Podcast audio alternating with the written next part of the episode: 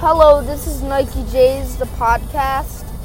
Um, so Nike J's here, aka Jack Vance.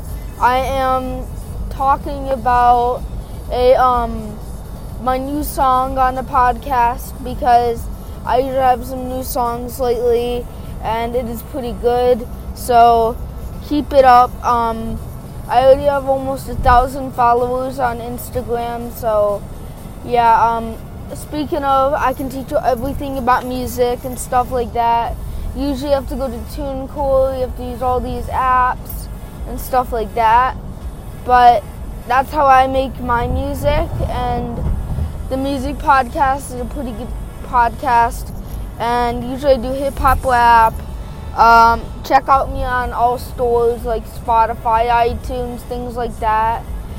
And um, also, I usually have a um, I have a, sm- a bunch of songs coming on October 19th, 2018. So follow me on Instagram, Nike J's official, um, with three underscores. So if we can do that, that would be great. Yeah, I'm starting to give free shout outs to like four, three accounts and do it before the, um, because followers will go crazy. Do it like before like November, December 2018 or New Year's Eve 2018. That would be great. But I'm trying to get my music career settled. Um, yeah, so I'm trying to get my music career settled and stuff like that. Um, and I'm like in Detroit right now, so we're going going home now, and it's pretty cool. Yeah. Um, don't forget the podcast. Follow me on IG, Instagram, Twitter is fine. Nike J's Hip Hop, things like that. Please follow me. I'll find. I'll write this down after. So if you can go to my podcast, that would be great. It's called Nike J's Podcast. Okay. So keep up the following.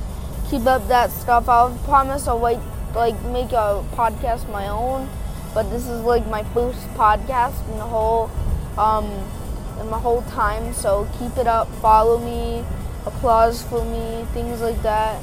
Hope I do good in a podcast, okay? So keep it up and I'll get going. So bye. Follow me on Instagram, Twitter, and I can always give you some samples of my music.